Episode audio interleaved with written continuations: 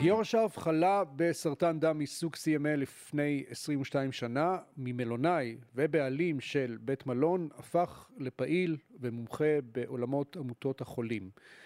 גיורא עומד מאחורי הקמתה של אה, עמותת חולי ה-CML בישראל, ולפני תשע שנים הקים את עמותת חליל האור לחולי לימפומה ולוקמיה.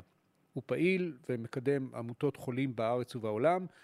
והיום הוא איתנו באולפן בפודקאסט בשיתוף חברת יאנסן. שלום גיורא. שלום ההקדמה דורון. נכונה, הכל נכון. הכל אמת ויציב. אז איך, איך זה שמאיש של אה, אה, בתי מלון ותענוגות אתה הופך למומחה בתחום אה, עמותות החולים, שזה אפס אה, קצת, אה, עולם אחר. קצת יותר קודר. לא יודע אם קודר, אני חושב שיש גם, גם הרבה תקווה בתוך זה, אבל בואו נשאיר את זה להמשך. איך זה קורה? זה קורה בצורה פשוטה מאוד, כי אמנם הייתי מלונאי אחרי שלמדתי מלונאות בארצות הברית, והמשפחה הקימה בית מלון, אה, וניהלתי אותו במשך אה, לא מעט שנים. ואז יום אחד מנוהוור, משום מקום, אה, אני הולך לסקר מנהלים, לקבל סטמפה, חותמת, שאני בריא, ואחרי זה ירד, אחרי שירדתי קרוב ל-20 קילו, ועשיתי ספורט, והרגשתי הכי טוב, הייתי בן 47-8, ואז הלכתי לעשות סקר מנהלים, והגיע טלפון שאומר, תחזור מהר, יש בעיה. ומה הבשורה? והבשורה הייתה, שגם דרך אגב קיבלתי אותה בטלפון, שזה אחד הדברים שאני לא אשכח אף פעם, איך אומרים לחולה שיש לך לוקמיה אה, בשיחת טלפון ממנהל הסקר. ממש ככה? פשוט אמר, אדוני, יש לך... תראה, הוא אמר שיש בעיה, עכשיו, בבדיקת דם. אני אה, שאלתי אותו, מה זה נקרא בעיה? אתה מדבר על לוקמיה? אז הוא אמר לי, כן. אוקיי. אתה אמרת. אז אה, למעשה היה ככה, נכון, הוא אישר את מה שאני חששתי, אבל זה היה ככה. תן לי לנחש שהיום זה כבר לא קורה. אה, עדיין לצערי, מדי פעם לפעם, אה, בוד- לעיתים בודדות קורה- זה קורה, אבל הרבה הרבה פחות ממה שהיה. היום המודעות היא הרבה יותר גבוהה, אה, גם אצל הרופאים בעיקר, אבל כמובן גם אצל הרגישות אצל החולים היא גם הרבה יותר גבוהה.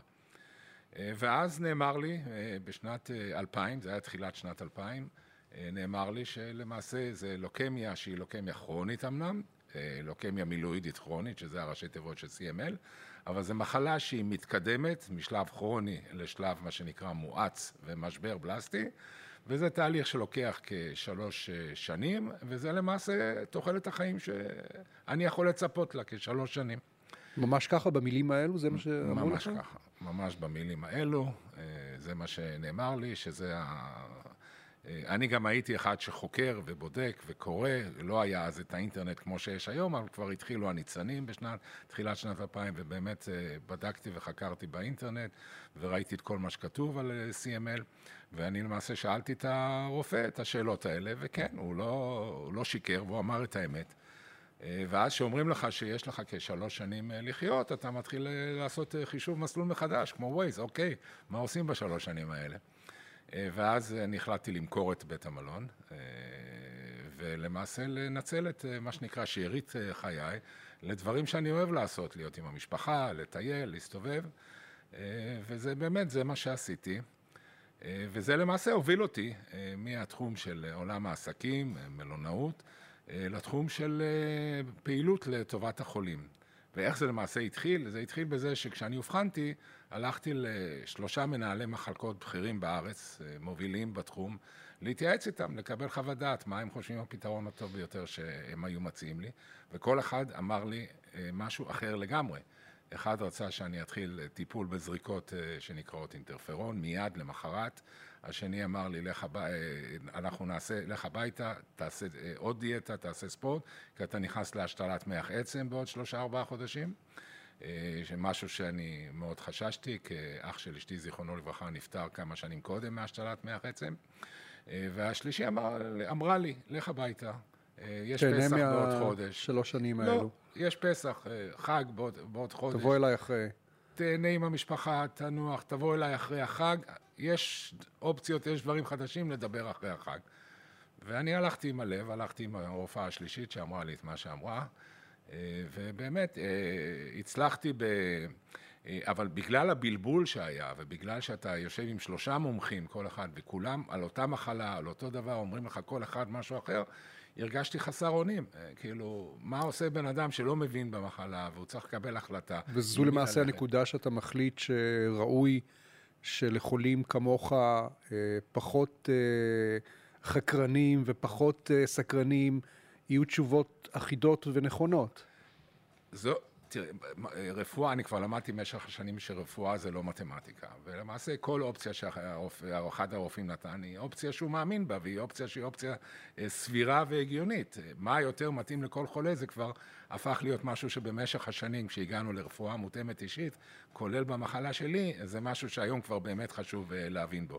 אבל באותה נקודה של חוסר אונים, אני חושב שאני החלטתי בתוכי שאם אני אצא מזה, אה, ואם אני אשרוד, אני באמת אקים אה, עמותה אה, לחולים במצבי, כדי לתת להם את הידע, לתת להם את הכוח, לעבוד יחד עם הרופא שלהם ולקבל החלטה משותפת מה באמת טוב לכל אחד, ולא להרגיש אבודים כמו שאני הרגשתי באותו רגע. אז מה בסוף קורה אחרי, אתה חוגג את, את הפסח עם המשפחה? אני חוגג את פסח עם המשפחה, אני יושב הרבה מאוד באינטרנט, אני נכנס לקבוצה של חולי CML בינלאומית, ואני מגלה שם שיש איזו תרופה חדשה, אה, שנמצאת בשלבים ראשונים של ניסוי קליני בחו"ל. אה, היא לא מגיעה לישראל, הניסוי לא מגיע לארץ, אני יוצר קשר עם אה, רופאים בארצות הברית, הרופא שפיתח את התרופה, דוקטור דרוקר אה, בפורטלנד באורגון, אה, והוא אומר לי, גיורא, ברגע שיפתחו את הניסוי אצלי, אני אזמין אותך, אבל היה תנאי לקבלה לניסוי שלא יעברו שישה חודשים מיום האבחון. והשעון מתקתק, והזמן רץ, ואני כבר מתקרב לסוף השישה חודשים, ואני יודע שאם הניסוי לא ייפתח שם, אני עלול לפספס את ההצטרפות. ואז אני קורא הודעה שכותב אה, חולה כמוני מהולנד, מאמסטרדם, שהוא התחיל את הניסוי בגרמניה. אני ישר שואל אותו מה הטלפון, מתקשר אליו, אנחנו מדברים שעתיים בטלפון, הוא מספר לי שהוא התחיל את הניסוי אצל רופא גרמני במנהיים, אה, שהוא מאוד מרוצה ממנו, אה, אני לוקח את הפרטים, אני מרים טלפון לרופא בגרמניה, אני אומר לו, אני חולה CML, אומר לי, שלח בפקס, אה, אז עוד לא היה אימיילים, כן. יותר את התוצאות של האבחון שלך, אני שולח לו, הוא מתקשר אליו, הוא אומר לי, תבוא מחר. ואני טס לגרמניה למחרת. ממש למחרת? ממש למחרת, לא חיכיתי אפילו דקה. אה, הגעתי אליו, אה, המצחיק היה שהניסוי היה שני זרועות, בדקו את התרופה החדשה, אה, שנקראה אז גליבק, מול, מול האינטרפרון, מול הזריקות שרצו שאני אתחיל לקחת. ו-50% הגרלו לזרוע אחת, 50% לזרוע השנייה. אני, לרוע מזלי, מכיוון שהחבר שלי מהולנד, שהפך להיות חבר קרוב מאוד במשך השנים, הוא הוגרל, הוא היה הראשון שהצטרף לניסוי, הוא הוגרל לאינטרפרון, אמרתי, טוב, אני בטח יוגרל לגליבק, לתרופה החדשה. לא. אבל לא, הוגרלתי גם כן לאינטרפרון, לקחתי את האינטרפרון משולב בכימותרפיה, בזריקות של כימותרפיה, במשך שבעה חודשים, אה, שבעה חודשים קשים אה, ולא קלים. אה, ו... אבל האופציה, נשארתי בניסוי מכיוון שהיה אופציה שמי שנכשל או מי שלא מצליח עם הזריקות, עם האינטרפרון, מעבירים אותו לזרוע של התרופה. ואני כל הזמן שיגעתי את הרופא שלי, אני רוצה שתעביר אותי לגליבק, תעביר אותי, תעביר אותי. אחרי שבעה חודשים הוא קיבל אישור מהחברה, ואז באמת עברתי לגליבק ב-14 לפברואר 2001, אה, זה למעשה יום ההולדת החדש שלי, אה, זה היום שקיבלתי את התרופה בגרמניה. והיום אנחנו 21 שנה בעצם, או 22 שנה אחרי שאמרו לך שתהנה משלוש השנים שנותרו לך. אמת, אמת, ולמעשה היום, אה, בזכות המחקר, בזכות תרופות חדשות, בזכות הגליבק, בזכות עוד הרבה תרופות שמאז יצאו ועומדות לרשות החולים, גם במחלה שלי וגם במחלות אה, מטו-אונקולוגיות אחרות, אה, חיים, החולים חיים הרבה יותר שנים. תוחלת חיים של חולה CML היום אם הוא מטופל נכון, אה, ואם הוא לוקח את הטיפול, היא כמו בן אדם בריא שאין לו מחלה בכלל, עם אותו, אותו באותו גיל, באותה... פשוט מחלה רגע. כרונית. פ, פשוט הופך את לכרונית. הפכו את זה ממחלה סופנית אה, למחלה כרונית. חשבת פעם, אה, אם, אם היית אדם מן השורה, פחות פנוי אולי להתעסק במחקר כזה שאתה אומר שאתה עשית, יכול מאוד להיות שכן היית מסיים את החיים אז, אחרי שנתיים, שלוש. א', לצערי כן, וראיתי את זה, כי אני הקמתי את העמותה בתחילת שנת 2001, אה, והיו, אה, התחלנו עם שבעה חולים במפגש ראשון בבית חולים לניאדו בנתניה. שמהשבעה חולים האלה, שלא כולם היו על הטיפול, כי הטיפול עוד לא היה זמין בישראל, אולי אחד או שניים שרדו, כל היתר כבר לא איתנו. כן. אז באמת מי שלא היה לו את היכולות ואת האפשרויות לחקור ולהגיע לאופציות טיפוליות, אז הוא באמת, אה, היה לו חוסר מזל והוא לא, לא שרד, כי הוא לא קיבל את הטיפול שהיה מציל חיים. אז בוא באמת ספר לי על הימים הראשונים של העמותה, התקופה הראשונה, איך, איך מקימים בכלל עמותה שלא קיימת בישראל, עמותת חולים? טוב, אז אז מכיוון שאני ידעתי והרגשתי שחייבים אה, להעצים את החולים וחייבים לתת להם את הידע ולתת את הכוח אה, ולמעשה אה, להציל את החיים שלהם אה, ולהגיע לטיפולים שאז לא היו נגישים בארץ, בשיתוף פעולה עם אה, שני רופאים, גם עם הרופא שבבית חולים לניאדו, ההמטולוג, אה, דוקטור בולביק, וגם עם פרופסור דינה בן יהודה, שמנהלת המחלקה מהדסה, שהיא למעשה מלווה אותנו מהיום הראשון ועד היום.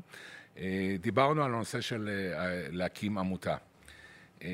חגגנו עכשיו 20 שנה לעמותה, דרך אגב. דינה הייתה הרופאה שבאה להרצות אז באפריל 2001 והיא סיימה את ההרצאה שלה, היו בערך אה, עשרה איש בחדר, והיא סיימה והיא יצאה, אמרה, גיורא, אני רוצה לדבר איתך, אני מבקשת ממך, אני מתנגדת להקים עמותה, אני לא אתמוך בך. אני חושבת שזה רעיון לא טוב. לא יכול להיות שחולה יראה חולה אחר שלא שורד, וזה יכניס אותו לדיכאון, מצב רוח. אנחנו לא, אנחנו לא צריכים את זה, אתה, זה טעות, אני לא טוב... זה. ואני אמרתי לדינה, אני, אל תכעסי, אבל אני ממשיך. אה, אני חושב שזה מאוד חשוב, ואני חושב שהחולים צריכים את זה, ואני יודע שהחולים צריכים את זה. אני אה, צילמתי עכשיו סרט של 20 שנה לעמותה, והגענו לדינה בן יהודה להסריט אותה גם כן, והתחילה ואמרה, אה, אני רוצה להזכיר לגיורא שלפני 20 שנה אמרתי לו שאני מתנגדת ולא תומכת, ואני כל כך שמחה שהוא לא הקשיב לי. אני כל כך שמחה שהוא המשיך עם הלב שלו, עם הרעיון שלו, ובאמת הוא אחד החולים ששינה את התוצאה של חולים במחלה שלו, עזר לשנות את ה-outcome, את התוצאה של החולים בישראל. אה, ובאמת, אה, התחלנו עם שבעה חולים בלניאדו. היום כמה? היום אנחנו כבר 500 ומשהו חולים, שזה בערך אה, קצת יותר ממחצית החולים שקיימים בישראל. רק להבהיר, בעמותה ממוצעת בישראל ובעולם ביחד, מצטרפים כבין עשרה ל-15 אחוז מהחולים במחלה מצטרפים לעמותה. עדיין הרוב המסיבי לא פעילים בעמותות חולים. פה זה 50 אחוז. ואצלנו פה ב-CML כבר הגענו ל-50 אחוז. אה, אני חושב בעיקר מכיוון שרוב הרופאים שמטפלים ב-CML מבינים ורואים את הערך המוסף שהעמותה נותנת לחולים, והם כבר אוטומטית כמעט מפנים כל חולה חדש שמאובחן אה, ישירות לעמותה. אז אני חושב שזו הסיבה העיקרית. ואיזה סוג של, אה, מה בעצם התפקיד של העמותה? מה אתם, מה אתם נותנים, מעניקים לחולים שמצטרפים? אז אם אני אדבר על הפעילות פה בארץ אה, של העמותה, של, גם של CML וגם של אה, חלילה אור, שזה, אה, רק אני אזכיר במילה, חלילה אור זה ראשי תיבות שחולה לימפומה לוקמיה, כמובן שהאור זה הסמל של התקווה שאנחנו רוצים לתת לחולים. שתי העמותות למעשה מתמקדות בכמה תחומים עיקריים. התחום העיקרי הוא העצמה של החולה. לתת לו את הידע, לתת לו את המידע, לתת לו את ההבנה של המחלה, הטיפולים, תופעות הלוואי, איך מתמודדים עם תופעות הלוואי, מה עובד, מה לא עובד. אה, אנחנו עושים את זה במגוון עצום של דרכים, אה, אם זה בעזרת אה, אתר האינטרנט שלנו שאנחנו מעדכנים אותו כל הזמן, אם זה בעזרת חוברות שאנחנו מוציאים למגוון המחלות, יש לנו היום כ-15 חוברות שונות, כי יש, שתי עמותות מכסות הרבה מאוד מחלות. אה, אם זה בעזרת שאנחנו נוסעים ומשתתפים בכנסים מדעיים בינלאומיים בעולם עם מיטב הרופאים, אנחנו מביאים את החדשות מהכנס ישירות לחולים, היום זה כבר הכל נעשה בזום ובוובינרים, אה, אז למשל בינואר, בחודש הבא, עכשיו היה כנס ההמטולוגים הגדול, האש בארצות הברית, יש לנו בחודש הבא חמישה וובינרים למחלות שונות, שבהם רופאים יסכמו את החדשות מהכנס המדעי, מה היו החדשות החשובות בכנס הזה שהחולים צריכים אה, לדעת. אה, אנחנו עושים כנסים כמובן, אה, וזה הדרכים שאנחנו בהם פועלים, פועלים להעצמת החולה. אה, אנחנו מאוד מאמינים שחולה חייב להיות חולה פעיל. יש מספיק מחקרים בעולם שמראים שחולים פעילים, אה, חולים ששואלים וחוקרים, הם חיים גם יותר שנים, ולא פחות חשוב, גם עם איכות חיים טובה יותר מחולים פסיביים. איך ו... הישראלים ביחס ל... לחולים בעולם? אני רוצה להאמין שהישראלים תמיד, או בדרך כלל חושבים מחוץ לקופסה, גם, גם כאן, בנושא של חולי ועמותה ותמיכה. אז אה, אני, אי אפשר להגיד שכולם, כי למשל ב-CML אני באמת רואה שיש לנו כיותר מחצי מהחולים בארץ חברים בעמותה ופעילים ומשתתפים ומגיעים לכנסים.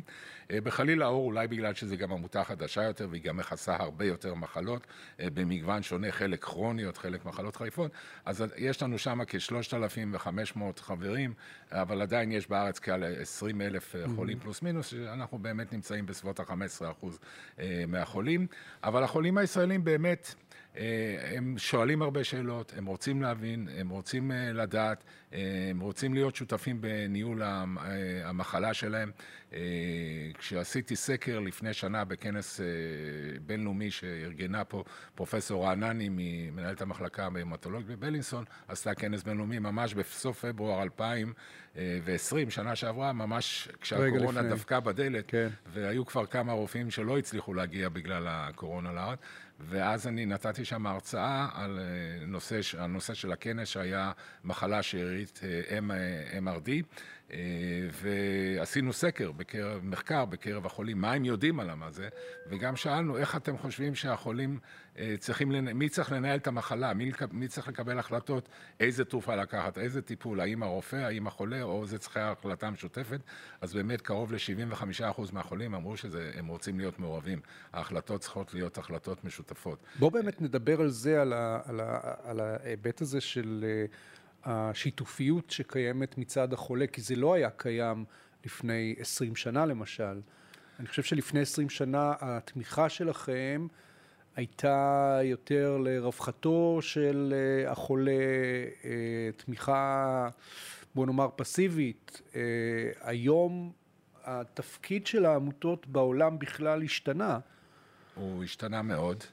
רק בתור דוגמה, אני אתן שאני אובחנתי לפני 22 שנה, וכשהלכתי לקבל את חוות הדעת וחזרתי ל... אני אובחנתי בשיבא, בסקר מנהלים, וחזרתי לרופאה בשיבא, אה, שרצתה שאני אתחיל את האינטרפרון למחרת בבוקר, ואמרתי לה שאני החלטתי אה, לא לקחת את האינטרפרון, אה, לחכות לאחרי פסח, ואז לקבל החלטה מה אני אעשה. אז התשובה שלה הייתה, אתה הופך אותי להיות המזכירה שלך. אתה חושב שאני רק אמלא לך מרשמים ואתה תעשה מה שאתה רוצה. אז... היום היא לא הייתה אומרת את זה. היום אני לא יודע, זה גם עניין של אופי של רופאה, כן. כי אני אמרתי לה שאני מצטער, לא, זאת לא הכוונה שלי. היא לא, ודאי שאני לא רוצה שהיא תהיה מזכירה, אבל מצד שני, אני גם לא חושב שאני רוצה שהיא תהיה הרופאה שלי. ואז קמתי והלכתי, אמרתי לו תודה רבה, והלכתי לטיפול אצל רופאה אחרת. אבל אני חושב שהיום פחות. אבל אז באמת גם לא אהבו את הנושא של חוות דעת אה, שניות, שהיום זה מוטמע בתור אה, חוק זכויות החולה, אה, וכולם מבינים ויודעים את זה. אבל עדיין יש בעיה, כי אם רופא מסוים, בכיר, אומר לחולה שהוא רוצה לתת לו טיפול מסוים, והחולה הולך לקבל חוות דעת, והוא חוזר לרופא הראשון ואומר לו, טוב, החלטתי לא לעשות את הטיפול שאתה אומר, אלא את מה שהרופא השני המליץ. אז אני, אני לא פעם שואל את הרופאים, איך אתם מתמודדים עם זה? החולה אומר לך שהוא לא מקשיב לך, הוא הולך עם, עם הלב עם רופא אחר. אז לא כל רופא יכול לקבל את זה. אז התשובה בדרך כלל שאני מקבל זה שאם החוות דעת היא לא נוגדת מבחינה רפואית, אז הם שלמים עם זה וזה בסדר. אבל אם הוא מרגיש שזה מבחינה רפואית זה לא נכון, אז הם לא יקבלו את זה. אז הם יגידו לו, אנחנו לא, לא נהיה מוכנים לטפל בך, ואפשר להבין את זה. זה הגיוני וזה סביר. שמע, עד לפני כמה שנים היית נכנס לרופא עם, אה, עם דפים מודפסים מהמדפסת מגוגל, במקרים רבים הרופאים לא ראו את זה בעין יפה. גם היום. גם היום אתה, כשאתה בא עם, אה, עם שורות, עם דפים מודפסים מדוקטור גוגל, פרופסור, אז, פרופסור. פרופסור, הוא כבר הפך להיות, כן, כן. אין, אין, אין ספק. אז uh, לא מעט רופאים יגידו לך, תשמע, uh, המידע שאתה מוציא הוא לא תמיד בדוק והוא לא תמיד נכון. יש באינטרנט המון המון מידע, בלי סוף, וחלק ממנו הוא מידע ישן. אם אתה תחפש היום CML... וזה אגב נכון. וזה נכון, כן. זה נכון. אתה יכול לראות מחלות שכבר תוחלת החיים השתנתה לגמרי, כמו CML, שעדיין ידברו על השלב הכרוני והשלב המואץ וזה, שלמעשה בפועל אף חולה כמעט לא עובר מהשלב הכרוני לשלב המואץ, אם הוא מטופל אה, נכון. אז אה, אין ספק שזה שינה והיחסים בין החולה למטופל, אה, בין הרופא המטפל ובין המטופל השתנו. יש עדיין הרבה מקום אה, לשיפור, לא כולם עוד נמצאים שם. אה, היום אנחנו מנסים אה, להדגיש את החשיבות של הקשר בין הרופא המטפל לחולה. אני למשל הרציתי כבר לא פעם, לא פעמיים בבתי ספר לרפואה, אם בטכניון, אם בבאר שבע. נתתי הרצאות לסטודנטים לרפואה בשנה החמישית, הסברתי להם, כשאנחנו גם מבקשים שזה יוכנס לתוך תוכנית הלימודים של הסטודנטים לרפואה, שיבינו שחשוב לא רק לדעת את הידע הרפואי הקליני, אלא חשוב לא פחות הנושא של הקשר בין המטפל ולחולה, כי זה, אנחנו יודעים היום שזה משפיע גם על הצלחת הטיפול, אה, לפחות בנושא של היצמדות לטיפול. אה, עשיתי מחקר בינלאומי עם יותר מ-2,500 חולים מ-68 מדינות, שבהם הראינו שהקשר בין הרופא לחולה הוא משפיע על היצמדות החולה או אי היצמדות החולה לטיפול שהוא אמור לקחת. אז יש מספיק אה, הוכחות ומספיק אה, נתונים. גם יותר ויותר אני רואה בשנים האחרונות שקולם של החולים אה, יותר נשמע בוועדות בכנסת, במשרד הבריאות, במקומות בהן מתקבלות החלטות חשובות שמשפיעות על החולה, דבר שלא היה לפני כמה שנים. אני חושב שזה נכון שהיום זה יותר ממה שהיה ויש לזה יותר מודעות. אנחנו אבל עשינו רק צעד אחד קטן קדימה, יש לנו עוד הרבה הרבה דרך אה, להתקדם בנושא הזה, בייחוד שאני רואה מה קורה בעולם, אה, איפה עמותות החולים ואיך שיתוף הפעולה בין אה, עמותות החולים לבין מקבלי ההחלטות, לבין הרופאים, לבין החוקרים, איך הוא נעשה בעולם ואיפה אנחנו נמצאים בארץ. אז עשינו איזשהו צעד ראשון קדימה, אבל עדיין הדרך רחוקה, אנחנו צריכים להיאבק על זה. הרבה פעמים השיתוף הוא יותר מה שאנחנו רואים לעשות tick box. אוקיי, הבאנו נציג חולים לשולחן, אבל אם באמת סופרים או לא סופרים, אנחנו לא יודעים, אה, ויש אה, לא מספיק דוגמאות. סתם לדוגמה, אנחנו מעורבים בלא מעט מאבקים אה, בתור קואליציית עמותות חולים שאנחנו הקמנו פה בארץ. המאבק האחרון שלנו זה היום בנושא ביוסימילר, שאנחנו כרגע פועלים למנוע מזה שיקחו חולה שמטופל בתרופה ביולוגית מאוזן, אחרי הרבה שנים של טיפול הוא הגיע לאיזון, הוא במצב רפואי טוב, סביר, לא לקחת אותו, להעביר אותו נגד רצונו. רצונו, או בלי החלטה קלינית של הרופא. גנרית. לתרופה ביוסימילר, שהיא כן. תרופה אה, ביולוגית דומה. היא לא כן. זהה, כי בגלל זה היא נקראת סימילר, אה, ושאם מעבירים, שזה ייעשה בצורה זהירה, קודם כל שיהיה צורך קליני שהרופא יהיה זה שממליץ, ולא הקופה תעשה את זה בגלל שיקולים אה, כלכליים, ושהחולה יהיה מודע לזה ושיבין את זה, את היתרונות, החסרונות, ושייתן את ההסכמה.